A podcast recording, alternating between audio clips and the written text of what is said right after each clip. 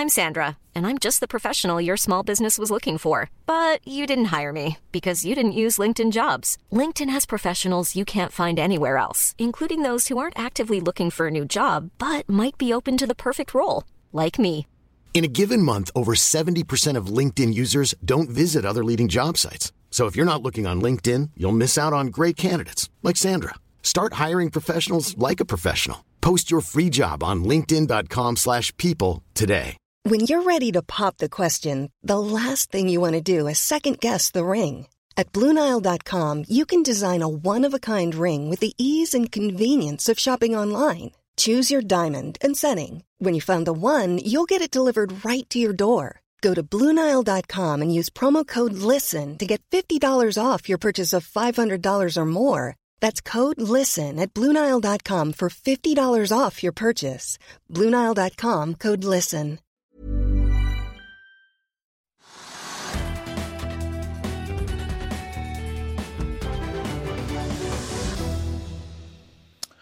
God ettermiddag og velkommen til Økonominyhetene. Det har blitt 8. november, og vi sparker i gang showet på en tettpakket nyhetsdag. Det har kommet masse kvartalsrapporter i dag. Vi snakker straks med ledelsen i Kid Interiør. Vi får også teknisk analyse av Kitron-aksjen, som jo denne uken har landet en ny stor forsvarskontrakt med Kongsberg Gruppen. Og så er det jo aksjen alle følger med på i dag da. Spenningen stiger idet Flyr nærmer seg en viktig frist nå i ettermiddag. Og de tar også et nytt grep for å fylle kassen. Mer om dette straks. La oss først titte litt på markedet akkurat nå. Hovedveksten er ned 0,17% akkurat nå, etter tre dager med oppgang. Vi så jo i går at indeksen endte opp 0,27 Unnskyld, 0,29 da tredje dagen på rad i grønt. Grønt er det også i Europa i dag, unntatt i Storbritannia, der markedet nå ligger og vaker rundt null. Futuresene på Wall Street de peker oppover etter en pen oppgang oppgang i går. Der SMP 500 steg nesten en prosent, Dow Jones opp 1,3 og Nasdaq Composite hang litt etter, men likevel fortsatt opp da 0,85 Nordsjøoljen er bitte litt ned i dag, men fortsatt et ganske høyt nivå. Vi ligger nå på 97 dollar og 80 cent fatet i spotmarkedet. Den amerikanske lettoljen ligger bak på 91,50, så vi ligger og snuser på 100 dollar fat-nivået. Ellers verdt å merke seg at Bergen Carbon Solutions faller litt over 4 i dag, til drøye 16 kroner aksjen, etter at Øystein Strais Betalens investeringsselskap Saga Pure har solgt seg helt ut av selskapet, noe det jo har vært spekulert i ville skje. Vi tar også med at flyselskapet Norse Atlantic tikker oppover et par prosent i dag. Langdistanseselskapet til Bjørn Tore Larsen har kommet med en liten oppdatering på oktober måned. De økte fyllingsgraden til 60 melder de, en økning på 4 prosentpoeng fra forrige måned.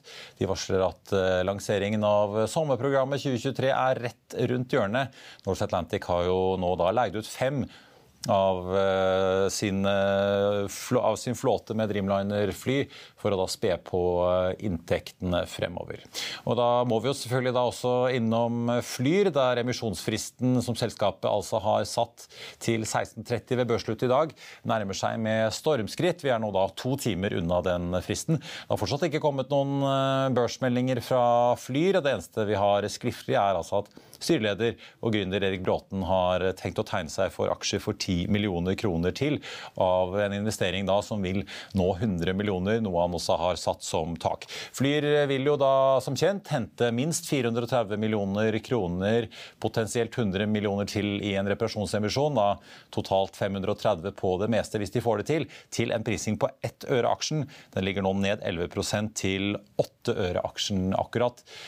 For de som husker tilbake til da Flyr ble lansert, så ble det jo børsnotert på fem kroner med en emisjon på 600 millioner den gangen. I etterkant har de jo da hentet to ganger 250 millioner på 95 øre og 1 krone og 20.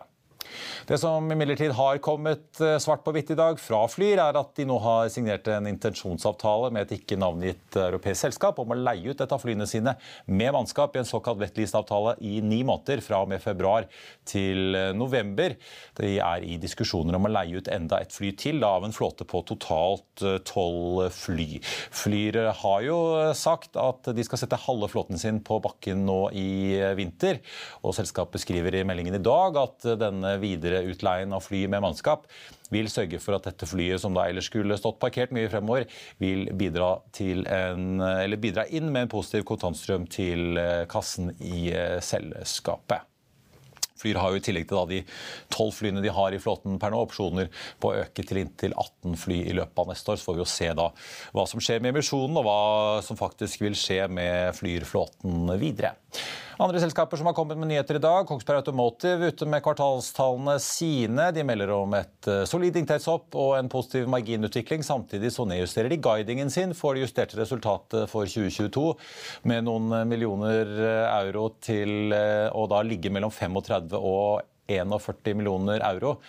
Og det justerte resultatet nå i tredje kvartal økte fra 8,1 til 12,9 millioner mot samme periode i fjor. NRC er også ute med sine tall. De økte både omsetningen og ordreboken i tredje kvartal, men fikk et driftsresultat på 85 millioner, noen millioner mindre enn samme periode i fjor. Bakkafrost også ute med sine tall. De leverte et operasjonelt driftsresultat på 325 millioner danske kroner. Det var ventet 359 ifølge konsensusuttalene til Infront. Og så kutter Bakkafrost Stask slakteguidingen sin for i år fra 103 000 til 98 000. Eh, det kommer jo da masse flere tall fra både Movi, SalMar og Grieg og flere andre utover i uken. Så det blir en sjømattung uke, får vi si. Salmon Evolution melder at de mandag gjennomførte sin første slakting. Selskapet som driver med landbasert oppdrett, eh, har sett aksjen sin tikke oppover en drøy prosent i dag til rett under 10 kroner i aksjen, nærmere bestemt 9,63 nå. La oss i Finansavisen hjelpe deg med å holde deg oppdatert på alt som skjer i finans og næringsliv. Hver morgen er jeg, Marius Lorentzen, og aksjekommentator Karl Johan Målnes på plass i studio for å ta tempen på dagens marked i Børsmorgen.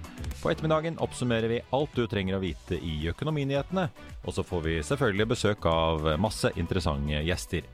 Du finner oss på fa.no-tv, eller ved å søke opp Børsmorgen og Økonominyhetene der du hører på podkast.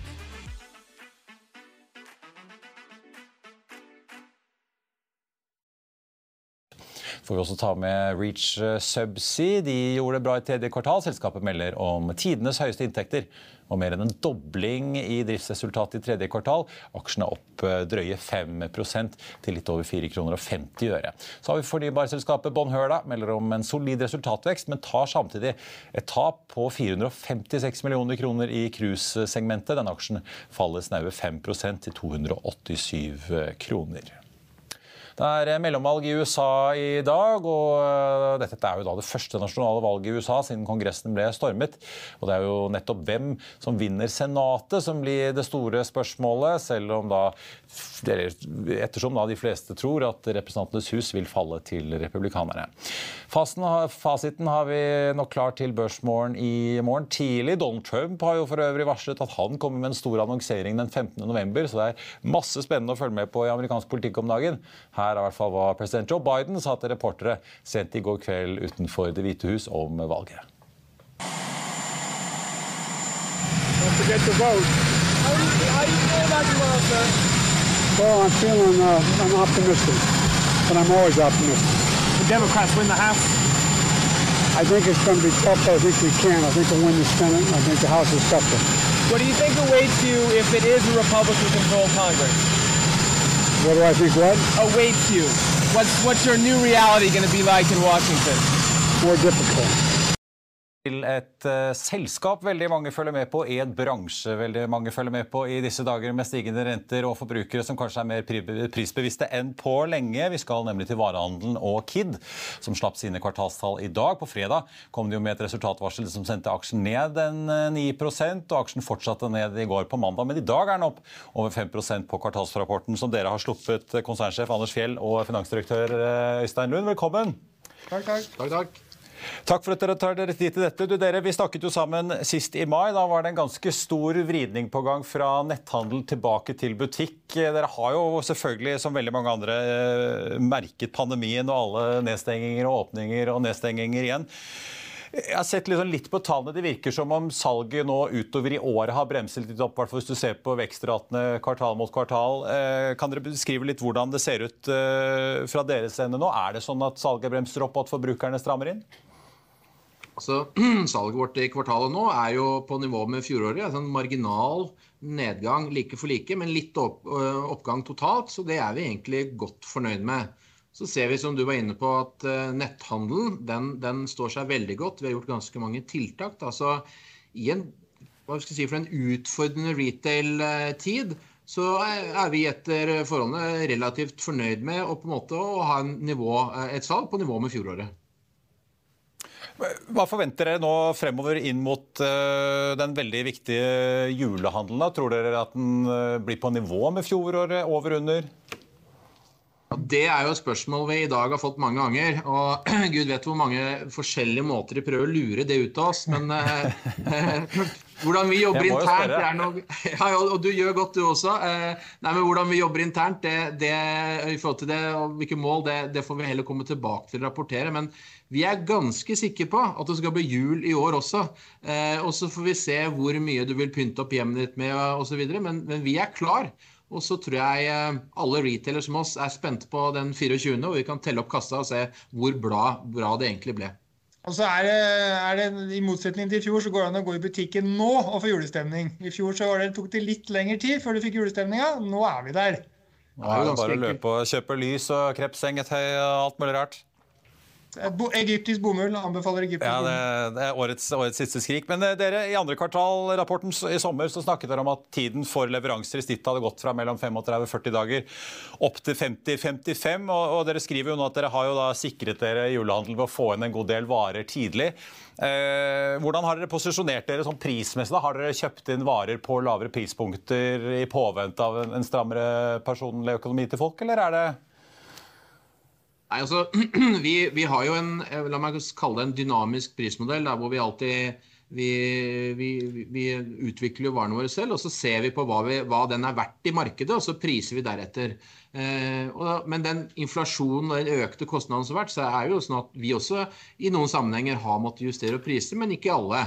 Uh, og det blir jo litt sånn, hva skal jeg si, ikke et sånn enhetlig svar som at vi gjør sånn eller sånn på sortimentet, men det er ned på produkt. Vi vurderer hvilke priser vi kan ta ut på, i markedet. da. Men litt apropos, for dere, dere refererer jo denne prismodellen litt i dette resultatvarselet som kom på fredag, hvor dere jo skriver at da fraktratene biter på marginene ganske kraftig, og implisitt at dere ikke har klart å, å, øke prisene ut i eh, butikk nok. Klarer dere å ta igjen uh, disse kostnadene? For Jeg merket meg jo i forrige kvartalsrapporten så mente dere jo at uh, fraktratene hadde piket og at ting skulle bli bedre. Men sånn som jeg tolker dere nå, så vil effekten av dette her både legge en demper på fjerde kvartal og også begynnelsen av neste år? Ja, Nå var det mange spørsmål på en gang, men først slå fast at vi forsøker hele tiden å ta riktig pris på produktene. Eh, det vi ikke har vært flinke nok til, er å se konsekvensen av de økte fraktkostnadene, slik at vi ikke har klart å kalkulere god nok eller riktig nok pris i forhold til at fraktkostnadene har gått opp. Så sett i speilet så burde vi sannsynligvis ha økt prisene mer og tidligere. Eh, det blir et litt sånn what if game. Hva hadde skjedd hvis vi hadde satt opp prisen med X? Men hadde vi vært bedre eh, på akkurat denne beregningen, så hadde vi nok diskutert hvorvidt prisene skulle vært satt opp tidligere, og sannsynligvis endt opp med en annen prisregulering i, for fire, fem, seks måneder siden enn det vi har hatt. Um, så Da spurte du både om liksom, i forhold til pris ut i markedet og i forhold til hvordan vi prissetter internt. Så sa du, mista jeg litt det, Ja, Det andre jeg lurte på, var jo frakt. for det, i, i, andre kvartal i sommer så snakket frakt. dere også om fraktratene, men dere trodde at kanskje de hadde, hadde, toppet seg ut og at ting ville bli bedre. I resultatvarselet så leser jeg det som at dette varer lenger enn det dere trodde, og vil på en måte dempe resultatene og marginene også utover i neste år? Ja, takk. Det, det, det, primært, det, vi primært forsøker å kommunisere, er at vi ikke har tatt inn over oss i, i, i kalkuleringen av prisene de høye fraktkostnadene så står vi fortsatt på at, at eh, innkjøpsprisene, eller frakten i det vi kjøper varene, var høy i Q2 og er nok i ferd med å, ta, å, jevne seg ut. Men det tok nok litt lengre tid enn det vi kanskje så for oss i Q2. Eh, ser man på spot-rater nå, som er observerbare i markedet på de indeksene som publiseres, så er det ikke noe tvil om at ratene er på vei ned. Men som jeg har forsøkt å forklare i dag ved et par anledninger, så tar det litt tid før vi ser de effektene i regnskapet vårt. Men si litt om, om hva som mekanikken på kammerset her. Da, fordi Dere kommer jo vanligvis, og det har dere også gjort i dette kvartalet, med noen nøkkeltall ganske fort etter kvartalslutt. Det skjedde jo 10.10. Ja. Hvorfor går det da helt frem til forrige fredag 4.11. før vi får dette resultatvarselet med varsel om, om fraktkostnader og, og marginer? Ja, Det er et godt spørsmål, et forståelig spørsmål. Jeg forstår hvorfor du spør. Eh, det vi rapporterer veldig tidlig inn i, i påfølgende kvartal, det er omsetningen. Uh, og den er jo ikke påvirket av det vi har snakket om nå i det hele tatt. Det er et tall som ikke tar altså skal, Du skal summere noen kasseapparater, for å si det ja, ikke sant, Det kommer rett ut av, ja. Mm. ja så det, det, vi, det, det, måler vi nesten eksakt per, per dag.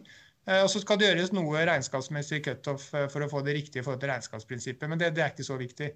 Ehm, det vi trenger lengre tid på, er jo liksom å sette sammen eh, som de fleste andre selskaper gjør, sette sammen liksom et fullt PNL. Og det er når vi da jobber med kvalitetssikringen av tredje kvartal, at vi eh, innser at vi ikke har tatt inn over oss de høye frakostnadene godt nok. Eh, som da både er i forbindelse med kvalitetssikring av kvartalsregnskap, men som også er i forbindelse med produktkalkyler og hvilke priser som produktene skulle hatt. Um, og Da går vi ut med et resultatvarsel så fort vi har den kunnskapen, fordi vi mener at det avviker såpass mye fra det markedet forventer. Ja, altså det var, det var på en måte, ja, det var ikke sånn at dere har sittet på dette her uh, lenger enn nødvendig? Overhodet ikke. Eh, dette er eh, godt dokumentert i interne rutiner, og det er fulgt de reglene som gjelder på området. Jeg kan garantere at det har vi kommunisert på den måten som det skal kommuniseres på, selv om budskapet må være lov å si. Det er vi ikke så glade for å komme med. Men det betyr ikke at man ikke gjør det, selv om det er ubehagelige nyheter. Det var nødvendig, Nei, og vi måtte gjøre det, og vi gjorde det. Det skjønner jeg veldig godt. Det var interessant å høre litt på mekanikken uh, internt. Men uh, Europris kom med sin tall i forrige uke. Der har de en strategi om at de sikrer mye mer av strømpriser, frakt altså på en måte Alt de ikke kan kontrollere i butikk selv, som Europris-sjef Espen Eldal var inne på. Endrer dere noen strategi nå, gitt de store utslagene som fraktkostnader har gitt? Eller vil dere på en måte være de første som merker en bedring den dagen fraktratene begynner å tikke nedover igjen? Så for vår del så er vi opptatt av å sikre de aller fleste innsatsfaktorene. Så når vi prissetter en vare ut, så sikrer vi valutaen, og vi sikrer det vi betaler til produsenten. Og så blir det litt teknisk, men det har vært en kalkulatorisk fraktpris. Når det gjelder fraktmarkedet spesielt, da, så har det vært en utfordring gjennom covid. Og vi har historisk hatt fastprisavtale på frakt. Men på det tidspunktet den avtalen utløp i fjor, så var det ingen Det var ikke mulig å inngå en, en fornuftig fastprisavtale i markedet, som har gjort at vi da har måttet kjøpe frakt i spotmarkedet helt frem til eh, juni-juli i år. Nå har vi en avtale som sikrer kapasitet. Og den følger også en synkende eh, fraktindeks, slik at prisen vår blir, eh, følger det, det, som eh, vi har sett den siste tiden, hvor prisen til dels har falt dramatisk og vi har siktet oss kapasitet. Så det med dagens marked er vår vurdering vært, og det mener vi fremdeles, har vært riktig for KID å, å ha denne strukturen øh, fremover. Jeg vil høre litt med dere. Dere sitter jo med Hemtex i Sverige, Kid i Norge. Dere har et ganske godt bilde av øh, den skandinaviske forbrukeren. Kan dere snakke litt om handelsmønstrene? Hvor tror dere at dette på en måte setter seg på litt mer sikt. Nå har vi vært gjennom en pandemi hvor folk kastet seg over netthandelen. Eh, nå ser vi på at containerbransjen eh, blir vel nesten overrumplet av alle nye skipene de nå får inn fra verftene, som de sårt trengte for et par eh, år siden. Jeg ser jo at netthandelen er opp ganske kraftig både for Kid og Hemtex. Så for, for, konsernet sin del, liksom, hvor, kan dere oppsummere liksom, handelstrendene mer på sikt, hvordan det ser ut sånn som dere ser det nå? Ja, Det er jo spennende. og Jeg tror ikke sendingen er lang nok til at vi går, kan gå gjennom alt. Men, men, men, det er klart, hvis du ser på konsumentens atferd, eh, så er min erfaring fra mange år i nordisk handel at eh, den svenske konsumenten unnskyld, han, eh, han, har en annen atferd enn nordmannen og er ofte litt mer forsiktig. og Det ser vi også. Men så er det nå engang så at kall det utviklingspotensialet i Hemtex i Sverige eh, de ligger etter der Kid er, så vi kan kompensere med mer initiativ utvikling som gjør at vi motvirker den trenden. Men litt morsom observasjon er at det beste landet vi har hatt nå i, mange, i lang tid i våre tall, er Estland, som har en ekstrem inflasjon eh, og, og, har veldig lav kjøpekraft sammenlignet med de andre landene. Så der på en måte skulle makroen tilsi det motsatte av hva vi klarer å oppleve. Så her gjelder det å være lokal i businessen, eh, og det har vi klart godt og har gode ambisjoner om å fortsette med fremover også. Så det kan recession-proofe det litt, som eh, amerikanerne ville kalt det. Men til slutt, snakk litt om dette nye konseptet deres som dere også snakker om i eh, kvartalsrapporten. Hva innebærer egentlig det? Nei, Vi har hatt veldig stor suksess eh, ved å øke salget vårt i eksisterende butikkmasser med å legge til nye kategorier, noe vi har gjort strategisk siden 2017. Det vi nå har presentert i dag, er at vi har fuelet denne veksten ved også legge til, eh, gå inn i eh, større, begrenset utvalg av større møbler. I tillegg så øker vi tidligere nye kategorier i bredden, altså introdusere enda mer av noe som har gått veldig bra. Og så skal vi øke Eh, plassen i butikk på eksponering. Og For å få plass til dette så har vi skrevet fem leieavtaler som er på i snitt 1200 kvadratmeter, mens en snitt Kid-butikk i dag er 470. Eh, og så skal den 470-butikken flytte seg til 600. Så vi skal ha fem pilotbutikker. Offeringen er nå tilgjengelig til stor del på, på, nettsiden, så hvis du nå vil kjøpe en kvalitetssofa til en veldig hyggelig pris, så kan du finne på kid.no, men du kan også gå i alle våre 155 butikker og få eh, bestilt den der. Og torsdag neste uke så åpner vi en butikk på Sartor som da er 1200 kvm, hvor alle disse nye møblene og ytterligere bredding av dagens sortiment vil bli vist fram for første gang. Det er et program vi har jobbet med i to år. Internt kaller vi det Kid Extended. Det er Kid, men bare for det er litt mer av Kid, så har vi internt kalt det Kid Extended. Så er det ikke sikkert alle Finansavisas TV-serier vet hvor Sortor er, men de ligger da i Bergen. Ja. Da fikk vi, fikk vi, den. Så får vi også si at uh, det blir uh, Øystein 2,50 utbytte per aksje etter kvartalet. Det blir et forskudd på utbytte for 2022 på 2 kroner og 50 øre. Og så tar vi en endelig avregning når vi kommer til mai. Da får vi hele utbyttet utbetalt. Ja, det, er var, vår, det er i tråd med vår utbyttepolitikk, som ligger uforandret. Ja, veldig bra. Da fikk vi med oss den. Øystein Lund og Anders Fjell i KID, takk for at dere var eh, med oss. Russlands invasjon av Ukraina har jo fått Europa til å støvsuge det globale markedet for LNG, for altså å bruke flytende gass som erstatning for rørgassen de før kjøpte fra Russland. Så langt ser det ut til at det og en mild vinter til sammen har gjort at Europa har klart seg OK så langt denne vintersesongen, men nå blir det jo snart kaldere. Og hvordan går det da? Bloomberg har sett nærmere på hvordan Europas energiskvis vil utløse det som kan bli en årelang global energimangel. Bare se her. Stephen, maybe just lay it out for us on, on, what the whole implications of this and what this could lead to for some of these EM countries. Yeah, I mean, the fact of the matter is, uh, with with Russia cutting gas line, uh, pipe, gas supplies uh, to Europe, they need to import more liquefied natural gas. Now, there's only a uh, set supply of global LNG around the world.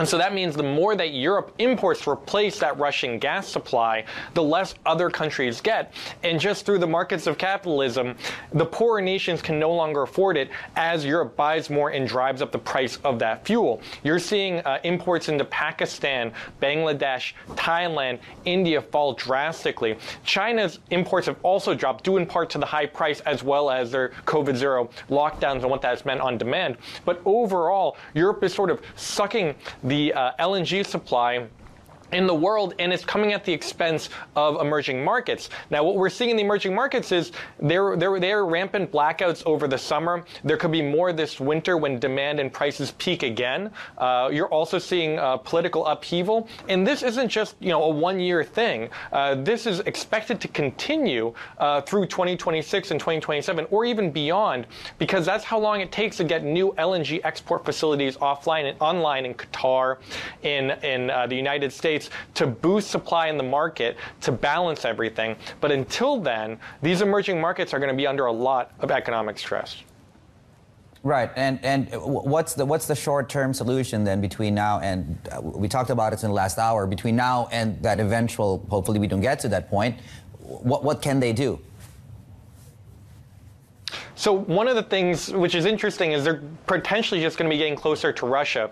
Russia has been in discussions uh, with with um, Pakistan. They're sending more LNG to China, maybe even uh, trying to do some sort of deals uh, with India. And because uh, you know, with with, the, with, a lot of the world looking at ridding themselves of Russian gas, uh, that means that the countries that want a discount, want a lower price may turn more to Russia in the future. At the same time, you're going to also see countries like Thailand and others uh, use more coal. Now, the reason why that's important is natural gas is the cleaning, burning fossil fuel. Coal is much dirtier, so in the short term, you could see a jump in emissions as they turn to dirtier fuels like coal, like fuel oil. Um, that's going to, and it's coming, you know, amid the COP27 talks, it's going to be a major topic that will have to be discussed, as well as just demand destruction. You know, the blackouts is one way to, uh, unfortunately, fix the issue of not enough supply. When there's not enough supply, you've got to cut back on demand, and that means what these countries are going to be doing is gas uh, gas rationing to industries and also planned blackouts, load shedding as they call it, uh, for for just households. And and that's really all they can do in the immediate term. They can invest more in renewables, but that's going to take some time to get those online. På tampen av sendingen så tenkte jeg bare å runde av med litt hvordan det går på børsen. Hovedindeksen på Oslo Børs ned 0,2% nå når vi bare har en drøy time igjen av handelen. Nordsjålen ligger på 97,30, ned en drøy halv prosent, men fortsatt på relativt sett ganske gode nivåer. Den amerikanske lettoljen ligger og vaker rundt 91 dollar fatet. Noen aksjer det er verdt å merke seg i dag. Explora, dette selskapet som lager smartklokker for barn, opp et par prosent på meldingen om at de har sikret finansiering hos Nordea på 100 millioner kroner. Og så er riggselskapet til Jon Fredriksen, Noram Drilling, som driver på land i Texas, og som nylig gjorde premiere på børs, opp nesten 5 Der tar Fearnley-analytiker Truls Olsen og starter dekning med en kjøpsanbefaling og et kursmål på 70. Det er da en 12 kroner omtrent over dagens aksjekurs. SalMar også tikker oppover et par prosent. Danske Bank er ute og mener at eh, det sannsynligvis vil bli endringer i den foreslåtte lakseskatten som regjeringen har lagt på bordet, og som jo barberte over 50 milliarder i børsverdier på en dag. De endrer nå anbefalingen sin på SalMar fra hold til kjøp, og SalMar ligger jo da oppe som eh, børsens nest mest omsatte bak Equinor før Aker BP i handelen i dag. Ellers så tenkte jeg bare vi må kjapt gå over de selskapene som har sluppet tall i dag. Kid, som altså falt en eh, drøy 9 på fredag, nesten 3 i går da etter resultatvarselet fredag ettermiddag. Der er aksjen nå opp eh, drøye 5,5% på kvartalsrapporten, som altså det virker som ble tatt imot med et slags lettelsens sukk i dag av markedet. Norse Atlantic opp 2 eh, på sin oppdatering på oktober måned, der eh, flyene er litt fullere nå som de forbereder seg på en ganske rolig vinter. Flyr, aksjen alle går og venter på, den ligger nå fortsatt på 8 øre, ned snaue 10 Det har foreløpig ikke kommet noen børsmelding fra Flyr med noen oppdatering, men det kan vi jo vente oss da om ikke altfor lenge når fristen for emisjonen utgangspunktet da går ut 16.30. Konkurrentene Norwegian opp 3,2% og konkurrenten SAS, som jo konkurrerer både på kort og lang distanse med både Norse og Flyr og Norwegian, er ned halvannen prosent.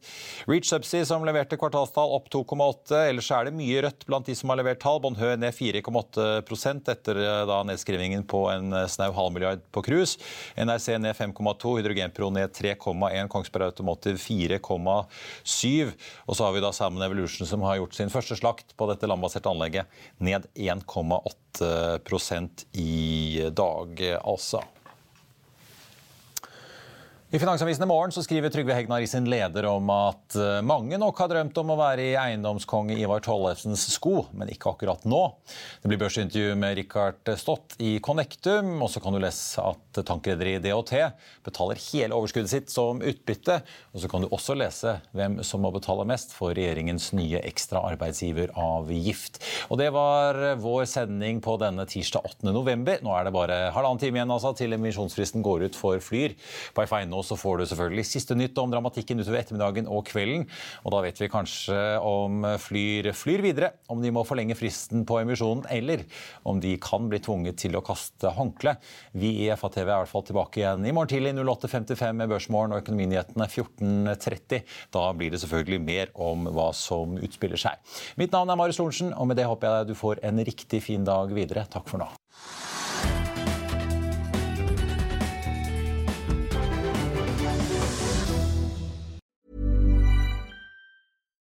As humans, we're naturally driven by the search for better. But when it comes to hiring, the best way to search for a candidate isn't to search at all. Don't search, match with Indeed. When I was looking to hire someone, it was so slow and overwhelming.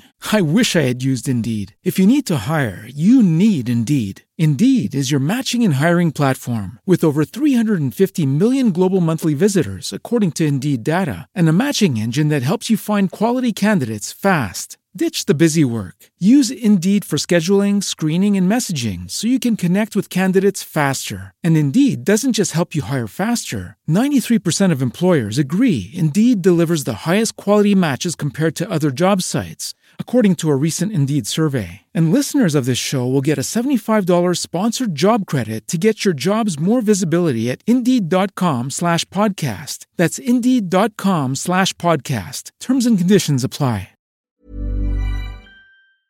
Økonominyhetene er en podkast fra Finansavisen. Programledere er Marius Lorentzen, Stein Ove Haugen og Benedikte Storm Bamvik. Produsenter er Lars Brenden Skram og Bashar Johar. Og ansvarlig redaktør er Trygve Hegnar.